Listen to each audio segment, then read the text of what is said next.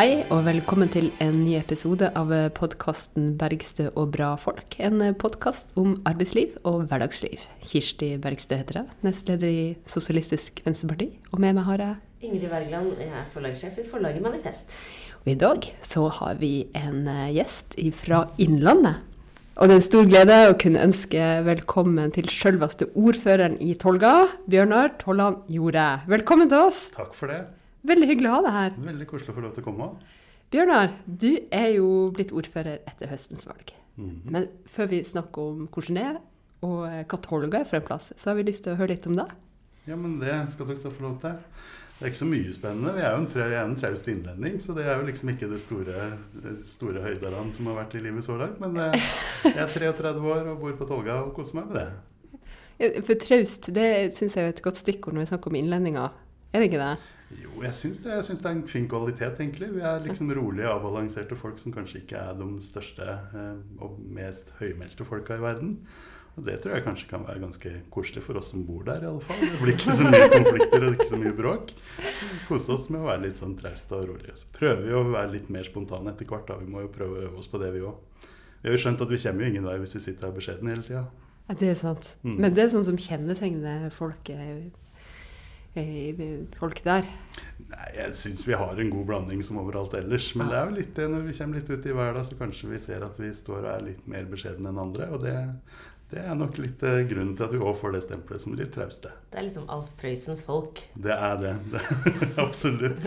Og Aukrust, ikke minst. Ja. Jeg kommer fra oppe i Aukrustland, så der er vi veldig sånne Aukrust-karakterer, eh, noen av oss. Ja, Mm. Og det er jo en mangfoldig gjeng. Ja, absolutt. Veldig stort mangfold og veldig mye ulike karakterer, så vi koser oss godt med det, vi altså. det er slettes ikke alle er, er direkte beskjeden. Nei, overhodet ikke. Men eh, du eh, har blitt ordfører og er 33 år. Mhm. Eh, det er jo ikke en veldig vanlig alder for en ordfører, er det? Det varierer vel. Jeg syns jo ordførergjengen blir bare yngre og yngre. Og det tenker jeg jo er positivt. Og hos oss er vi jo nå flere unge, unge ordførere. Hvis en ser litt utvida Rørosregionen, så er vi jo tre-fire ordførere faktisk som er i 30-årene. Eh, Av åtte. Så det syns jeg er veldig positivt. Så det, det er ikke lenger sånn at det bare er gamle gubber på over 60 som kan bli ordfører. Jeg tror det er mye mer variasjon rundt omkring, og det, det er jo veldig positivt. Ordførerne skal jo også speile befolkninga. Det skal jo ikke bare være disse her enslige mennene si, som begynner å bli gamle eller grå. Det, det må være litt mer spredning der òg.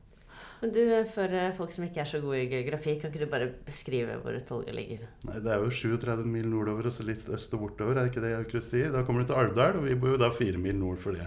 Så vi holder til lengst nord i Hedmark, egentlig.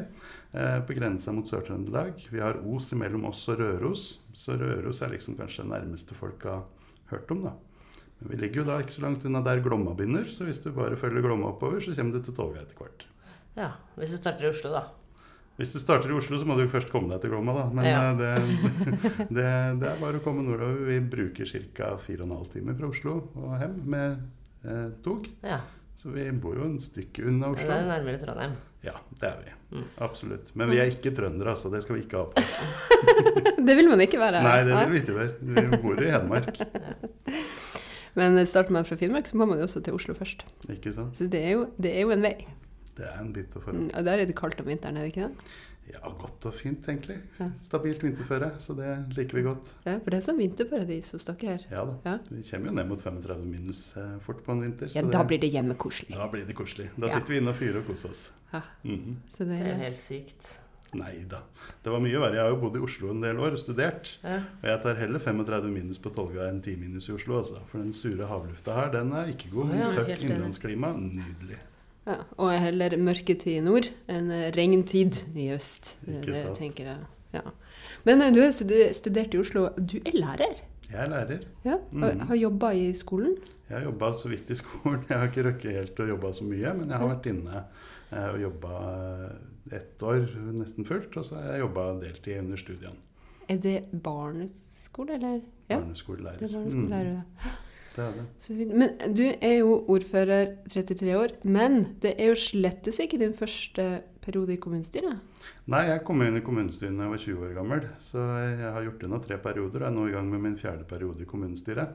Så jeg begynner jo å bli en eh, veteran, må man si. Og fått med meg noen unge nye 60-åringer som er på sin første periode. Så det er jo Så alltid moro. deilig! Ja, det er kjempegøy. Så det, det er veldig morsom dynamikk.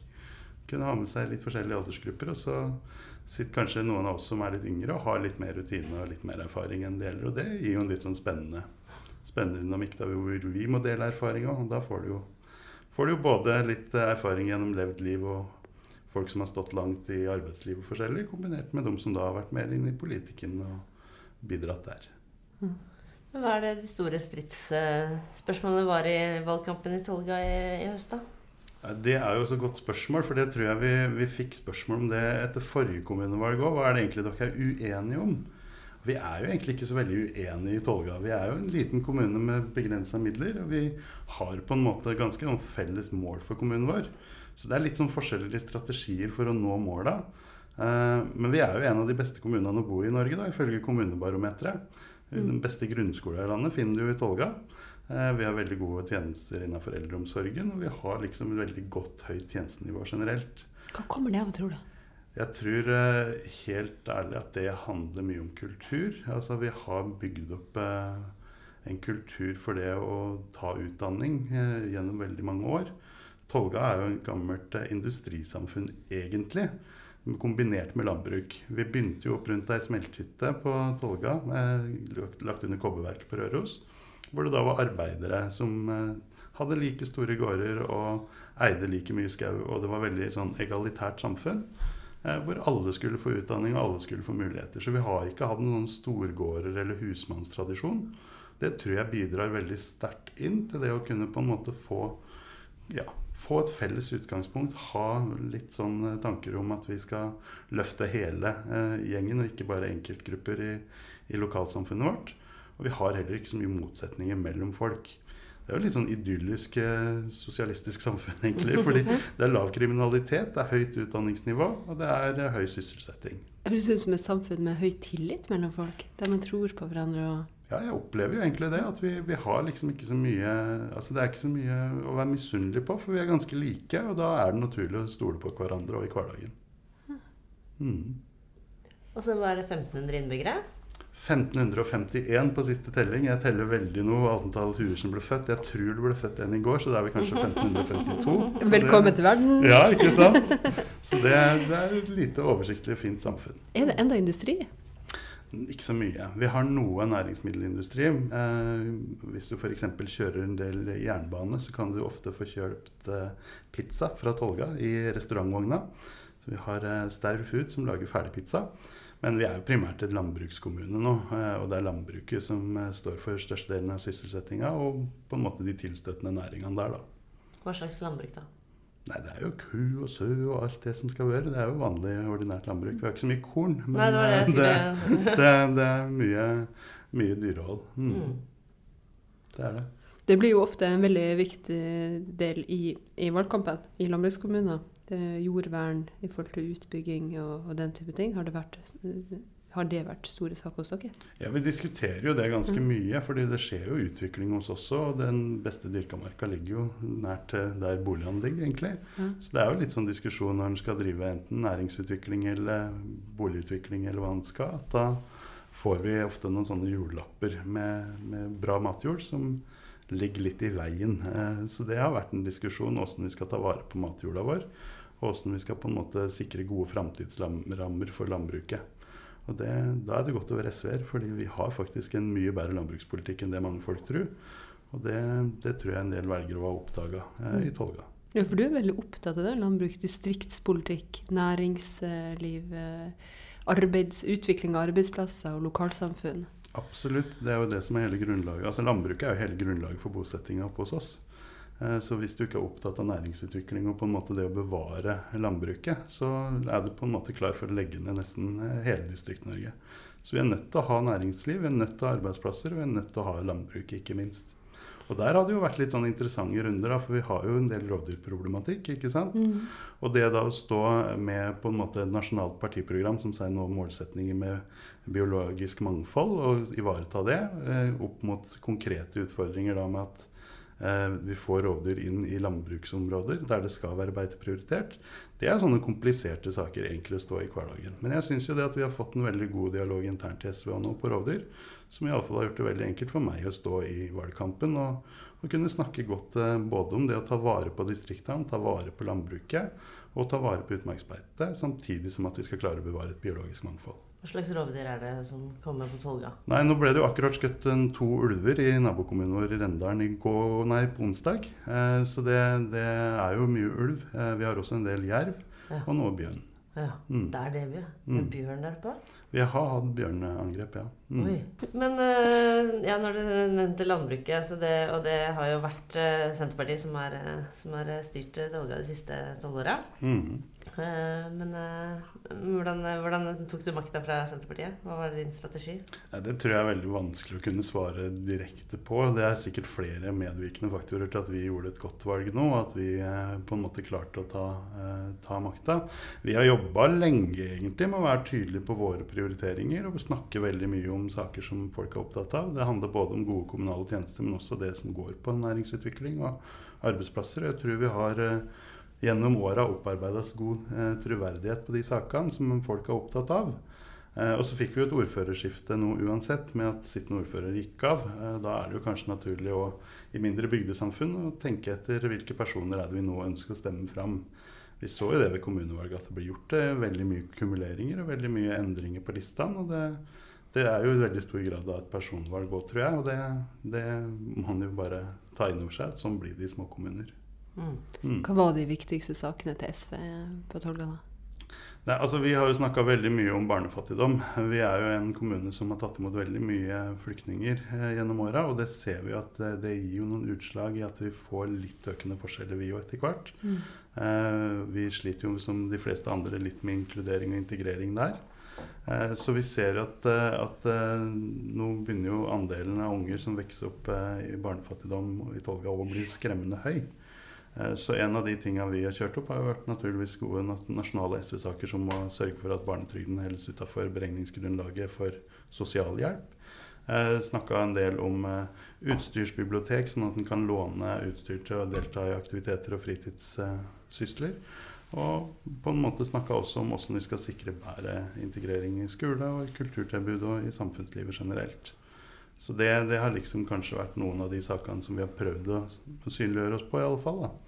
Eh, I tillegg til at vi naturligvis er jo et skoleparti, så vi har jo vært veldig opptatt av å videreføre den gode kvaliteten vi har hatt på oppvekstsektoren vår. Mm. Jeg tenker at I et samfunn der forskjellene ikke er veldig store i utgangspunktet, så må det kanskje være lettere å komme til eh, som ny, som, eh, som bosatt eh, i, i, Tolga.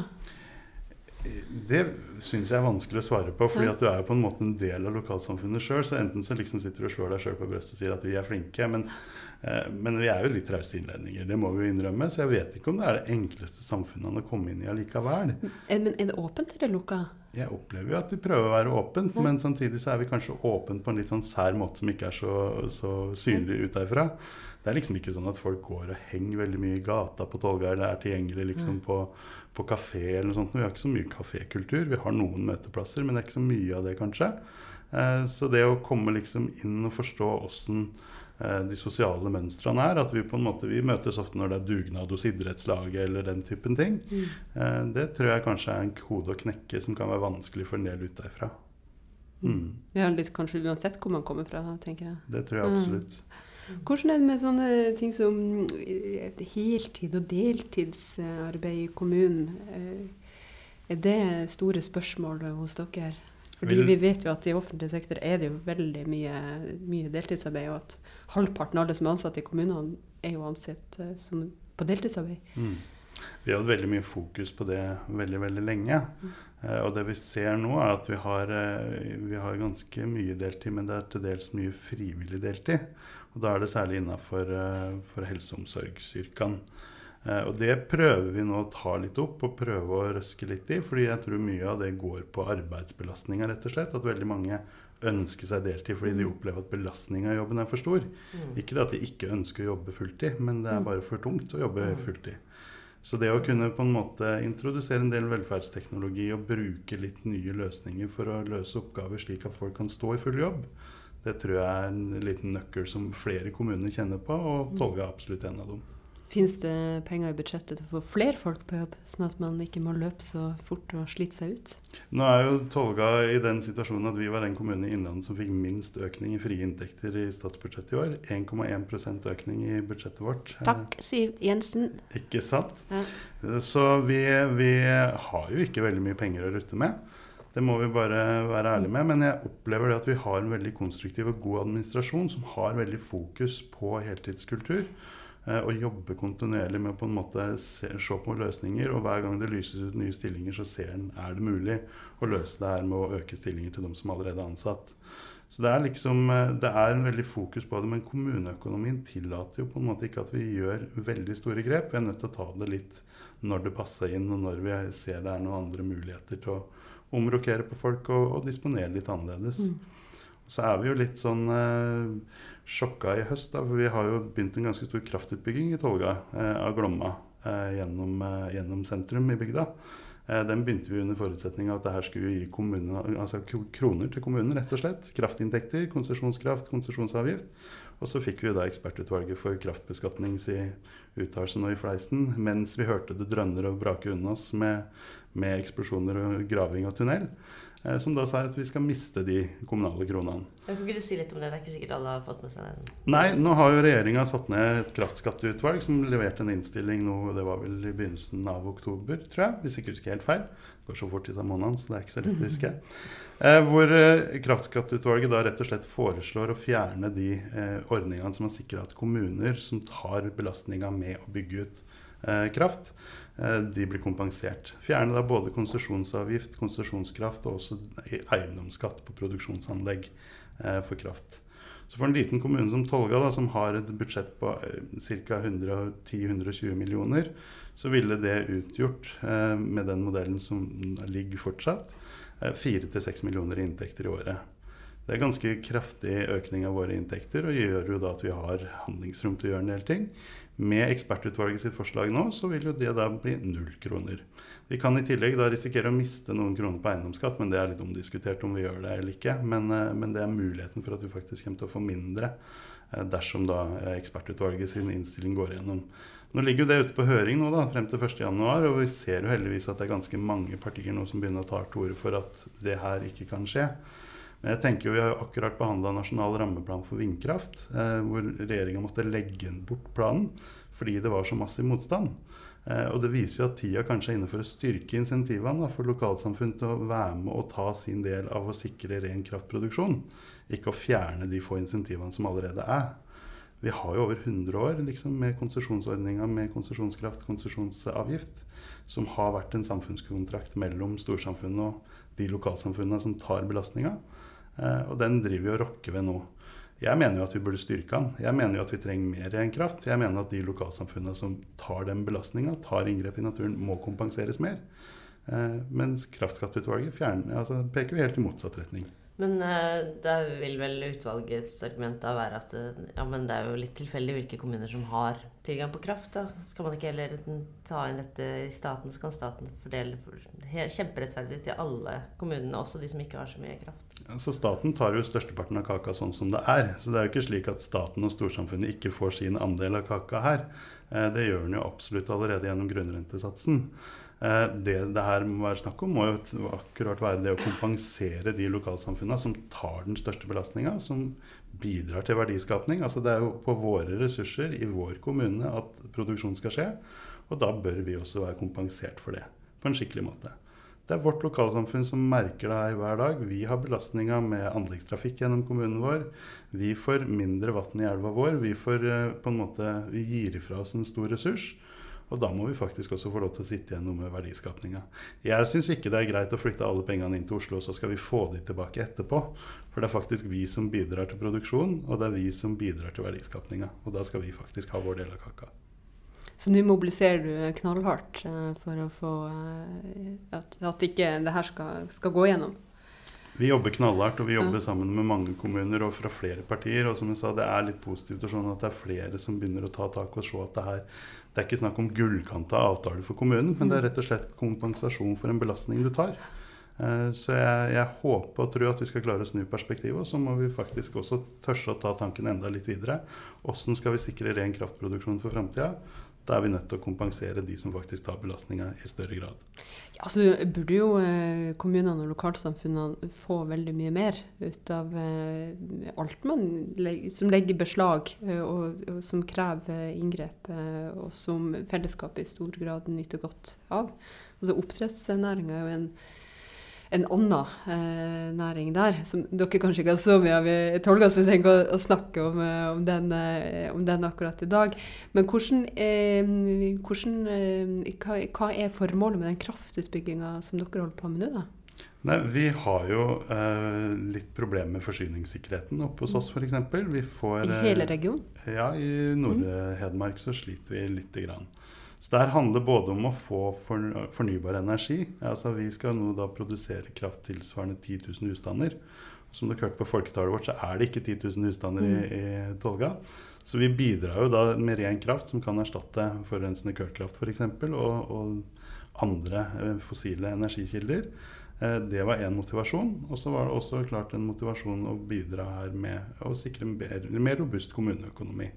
Så vi prøvde på en måte å være med på, være med på en dugnad både for å sikre mer eh, klimavennlig energiproduksjon og være med på å sikre at vi har eh, bedre robust kommuneøkonomi. For det får vi høre ofte. Vi må jo sikre oss mer robust kommuneøkonomi. Og vi tjener jo ingen penger ut eh, hos oss, visstnok. Vi har ganske lav eh, gjennomsnittsinntekt i Distrikt-Norge. Men det er jo ute hos oss verdiene ligger, og det er ute hos oss ressursene ligger. Og det er jo da bare rett og rimelig også at vi får faktisk en del av det, sånn at bildet på verdiskapning i Norge kan nyanseres litt mer. Jo da, hovedkontoret i kraftselskapene ligger gjerne i de større byene, men det er jo ikke der verdiene skapes. Men demmer dere opp, eller hva gjør dere? Vi demmer ikke opp. Det er ganske flott ny, eh, ny teknologi, så vi får en sånn overvannsdam. Oi! Ja, så Det er ganske ny og spennende teknologi. I begynnelsen så, så det ut som vi skulle få en demning, men teknologien utvikler seg jo heldigvis. Så vi får en overvannsdam, så det blir ikke den store type demninga med fisketrapp som vi kjenner igjen fra de der store, gamle kraftutbygginga. Det er mer at man har en inntaksdam og en naturlig forhøyning i elva, hvor du på en måte da får eh, magasinert litt vann, og så går resten av vannet bare over sånn som det har pleid. Naturligvis mindre vann, for mer skal gå gjennom tunnel, men det skal fortsatt gå vann over eh, som en naturlig elv. Det betyr at eh, man kan fiske som før, f.eks.? Eller? Ja, altså nå er den sona som er bygd ut, det er ikke kanskje den beste fiskesona. Eh, sånn som det har vært. Det har vært en fallsone. Eh, Ellers hadde det jo sikkert blitt kjempebråk hvis man hadde de beste fiskeplassene. det er nettopp det.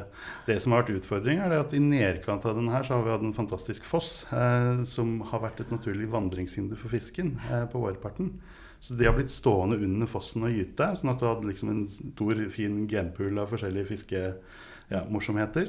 Eh, og da har det vært veldig godt fiske nedstrøms for den sona. Så det har kanskje vært den største bekymringa til flere av oss, at vi ødelegger kanskje det naturlige vandringshinderet. Slik at du ikke får den unike genpoolen og det gode fisket nedafor eh, byggesona. Men eh, det må vi jo se, da. Og så må vi jo prøve å ta noen avbøtende tiltak for å stoppe eventuelt de negative konsekvensene av kraftutbygginga. Mm.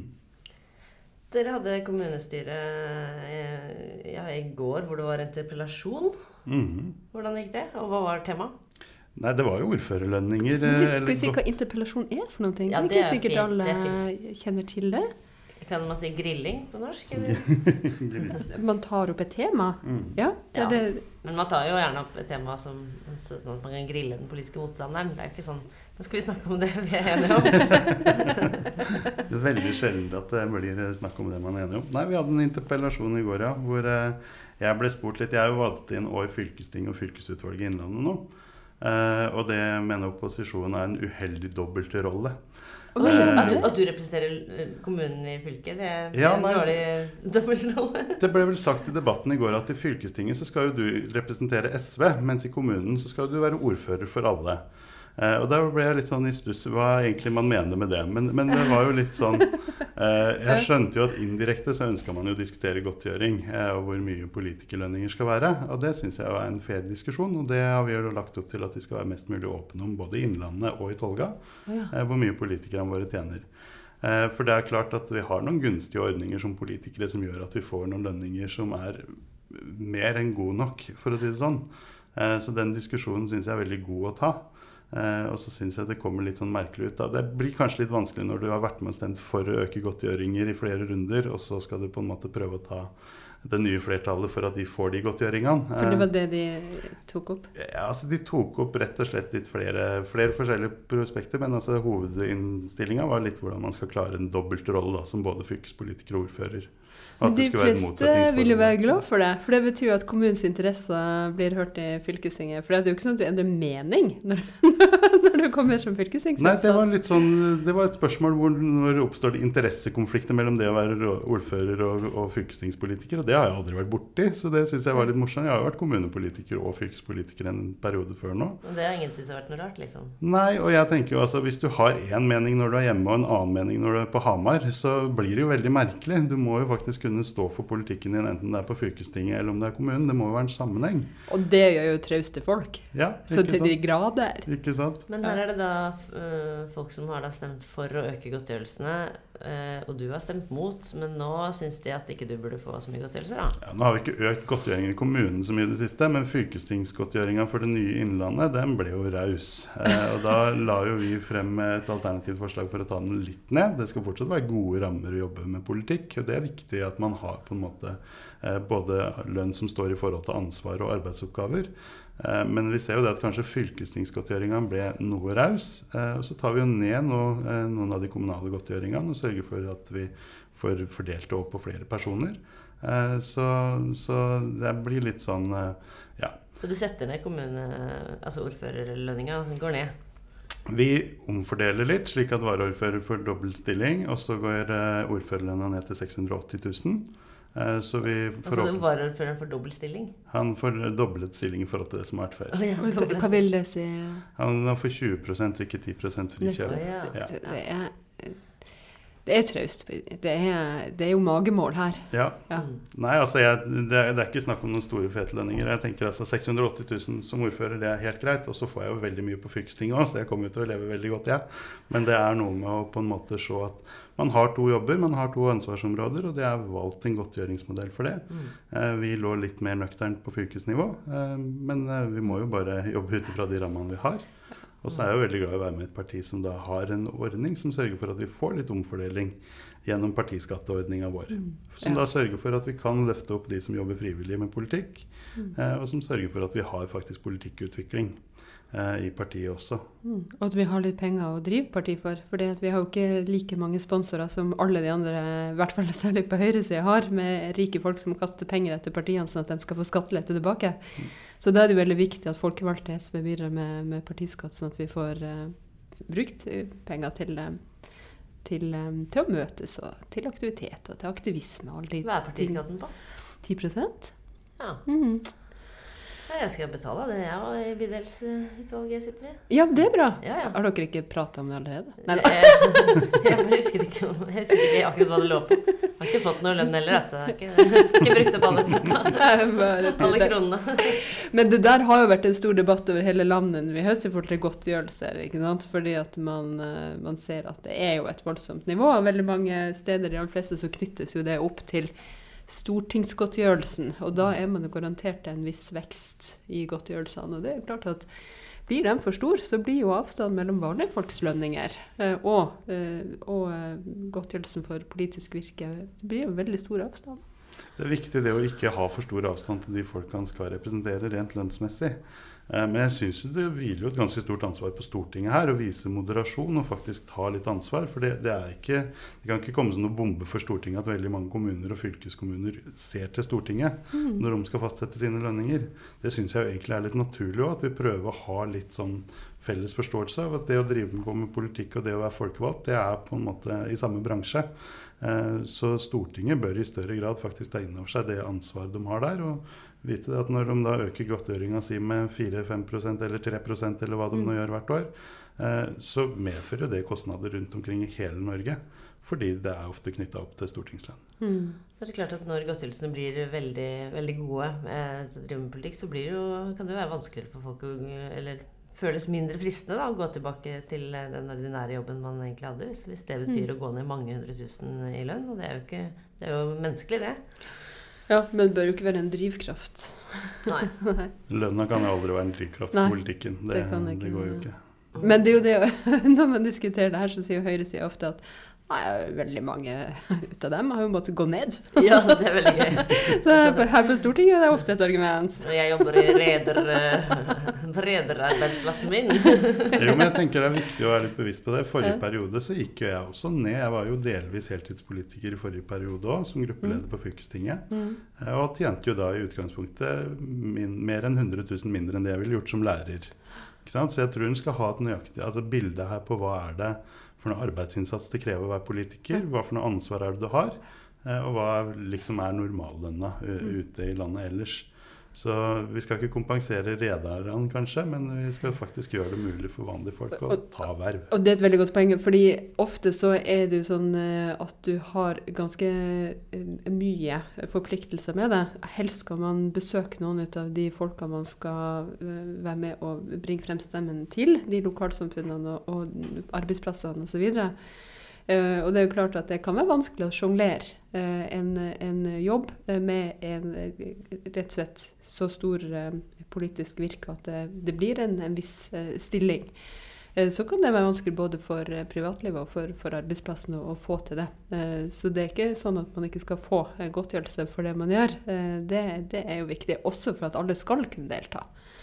Eh, men, eh, men da må det jo være eh, en viss moderasjon, kanskje. Nøkternhet og fornuftig. Vi trenger noen trauste innlendinger til å ordne du hva? Hvis bare innlendingene kunne tatt seg av det der, Vi så tror jeg resten av landet hadde fått det litt eh, ja, jevnere. Det? Fordi når du, har, når du sier at det har vært en økning på fylket, så har jo dere likevel ligget lavest. De har Ja, ligget lavt. Vi har har vært veldig beskjeden, Mm. og fylkesordførerlønninga hos oss er veldig beskjeden. Men vi har jo en litt sånn omfordelingsmodell altså hvor flere får godtgjøring. Mm, eh, Og flere får god godtgjøring, slik at man kan velge å være heltidspolitiker. ikke sant? Mm. Men du, nå har jo du vært ordfører en stund. eh, og så har Flere du, uker. Flere uker. flere uker.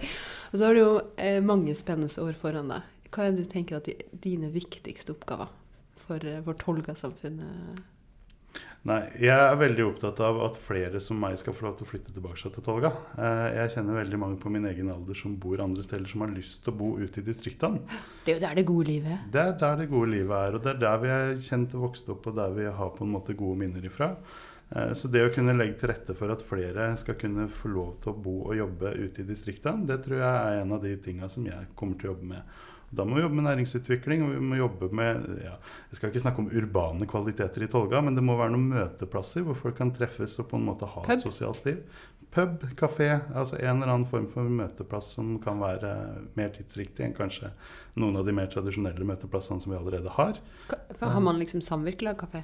Eh, nei, vi har, eh, vi har kafé på bensinstasjonen som er kjempekul. Retrokafé. Uh, hvor noen entusiaster virkelig har gått inn for å lage 50-tallskafé med god stemning. På bensinstasjonen? På bensinstasjonen. Altså ved siden av pumpa, på en måte? eller? Ja, altså i i samme samme lokale. Mm. Oh, ja, så kult. Så det, den er veldig kul. Og så har vi jo, eh, vi har jo eh, en eh, gjestegård i Tolga sentrum. Og så har vi også en Bunova, som det heter, oppe i Vingelen. I en sånn eh, liten eh, Ikke liten, det, det må jeg ikke si, for da blir de sinte på meg oppi der. Men i den nest største bygda i kommunen så har de et nasjonalparksenter med en sånn kafémulighet. Den, er ikke- den er drevet på frivillig basis, men det er liksom sånn moderne møteplass som har dukka opp nå i det senere. da. Med mulighet for pub, mulighet for pop-up. Eh, kafé og liksom sosial møteplass. Biblioteket, da.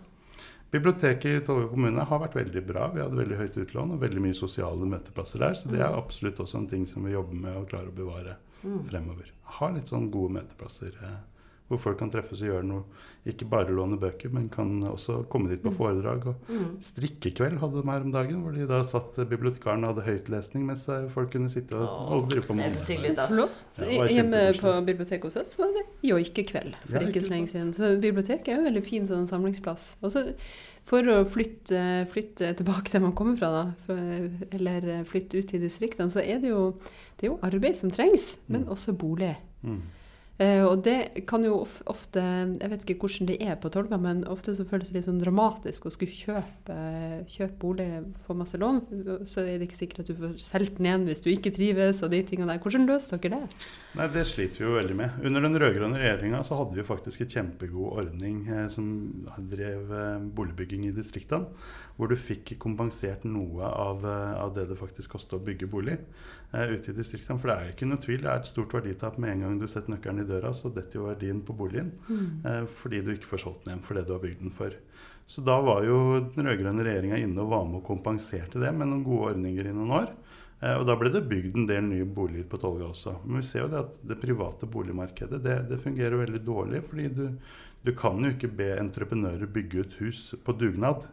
Det, det, det går ikke. De er nødt til å ha penger inn, ellers så går de jo konkurs. Mm. Eh, Så vi sliter med boligbygging. Det tror jeg mange distriktskommuner gjør. Mm. Eh, Og det er liksom de der virkelige patriotene som har flytta tilbake og bestemt seg. De bygger seg hus, for det, det spiller ikke noen rolle hvor mye hus er verdt. Mm. Men vi, vi er litt avhengig av å ha noen ordninger som faktisk er med på å kompensere og, og hjelpe for det verditappet det vil være å bygge boliger i distriktene. Og så ser man jo også at veldig mange sliter med å få lån. Fordi Mm. bankene forsvinner jo ut til lokalsamfunnet. Der er vi heldige på Tolga, for vi har veldig dyktig lokalbank som fortsatt er veldig tydelig på at de skal være på Tolga, og de skal ha hovedkontor der. Og Hva heter det nå? Tolga og Sparebank. Det er en eh, nydelig bank som virkelig tar samfunnsansvar og, og viser at eh, de ønsker å drive utvikling. Og det er, det er vi heldige med. Jeg ser lokalsamfunn som ikke har en sånn type aktør. De, Mm. de har mye større problemer enn oss. Så der får folk boliglån og, og muligheter for investerings... eh, Altså I den grad banken får lov til å gjøre tilpasninger, så ser vi at de gjør det og er veldig kurante. Altså De kjenner jo folk. Det er et tillitsforhold, som vi snakka om før eh, her nå.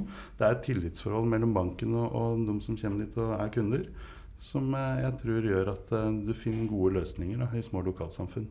Mm. Og det er jo avhengig av Når alle disse bankene bare fusjonerer og blir større og større, og større, så fjerner du deg fra lokalsamfunnet, du fjerner deg fra kundene, og du gjør det vanskeligere å ha tillit. Mm. Men nå, med en liten koselig lokalbank da, som gjør det veldig bra også, den leverer jo veldig gode økonomiske resultater, så det er ikke sånn at det å være liten er et hinder der. Så får du den tilliten, og du får muligheten til å stikke ned og snakke med naboen da, som jobber i banken og kan ta en telefon og bare få ordna ting ganske kjapt. Så det er ganske mange av de som har flytta fra Tolga på min alder, som fortsatt er kunder hos lokalbanken, fordi da vet de at de kan bare ta en telefon hvis de skulle kjøpt seg en bolig et annet sted. Hvis det er noe de har behov for, så er banken der og hjelper dem stort sett. Mm. Vi eh, skal snart runde av, men vi har jo et fast spørsmål til eh, våre gjester. Og det er Hva var din aller første jobb? Måtte jeg, jeg måtte virkelig tenke meg om når dere begynte å snakke om det. For det, det er litt sånn eh, Hva var egentlig den første jobben? Men den første sånn skikkelige jobben som jeg husker at eh, jeg liksom fikk litt eh, på egen hånd, den fikk jeg gjennom Frivilligsentralen i Tolga kommune. De hadde sånn sommerjobb for ungdom-prosjekt. Da var jeg vel 14-15 år, tenker jeg. Og da fikk jeg jobb på en campingplass i sentrum. Og det var da liksom både det å vaske og rydde og ordne og leie ut og ta imot folk og sånn. Og det var jo ikke den mest besøkte campingplassen, så stort sett hele sommeren så hadde jeg besøk av 17 eh, medlemmer av Jehovas vitner, som bodde da på leiren og brukte det som, eh, som eh, utgangspunkt for da misjonsvirksomhet i Nord-Hedmark. Så det var liksom meg og Jehovas vitner som holdt på en hel sommer og koste oss på, på campingplassen. Vi satt mye og leste Donald Pocketer, husker jeg, og liksom eh, jobba da med å, å serve dem. Og det var veldig koselig. Ble du eh, forsøkt rekruttert? det ble jeg. Litt tyder på at det virka. Det, det virka ikke, men jeg er veldig nysgjerrig. Så jeg Mm. var faktisk med på De hadde jo sånt lite bønnemøte. Så da spurte de om, de ville, om jeg ville være med, det ville jeg jo. For jeg syntes det var veldig spennende. Det skjedde jo ikke noe annet på campingplassen. Så da var jeg jo med på liksom og så på hvor de da satt og hadde bønn. og de talte ikke akkurat i tunge, men det var ikke langt unna. Det var veldig sånn god stemning eh, et lite øyeblikk. Eh, Men det frista ikke en traust innlending å bli Ovas vitner, altså. Så da? Var det, men var det fint? Det var eh, spesielt. Det kan jeg tro. Altså, jeg får jo av og til besøk av Jehovas vitner eh, hjemme der jeg bor. Og, og første gangen de kom, så tenkte jeg sånn Oi, dette handler sikkert om sånn nestekjærlighet og sånn. Og, og hun vil meg vel. Og så gikk det, så tenkte jeg sånn Nei, jeg tror egentlig det handler om at jeg må være sånn gullfugl eh, i denne inngangsbilletten til himmelriket. For de har jo liksom begren- eh, syn på at det er litt begrensa antall plasser. Og så skal du gjøre gode gjerninger på jorda, så tror jeg at du får liksom rykke fremover i køen. Så hvis man liksom klarer å, å få den her eh, alenemora eh, og sosialisten og feministen inn i Jehovas vitner, da tror jeg du har ticket to heaven. Jeg tror det er det som er motivasjonen. Men jeg ønsker jo alle lykke til med både tru og tvil og alt livet hører til.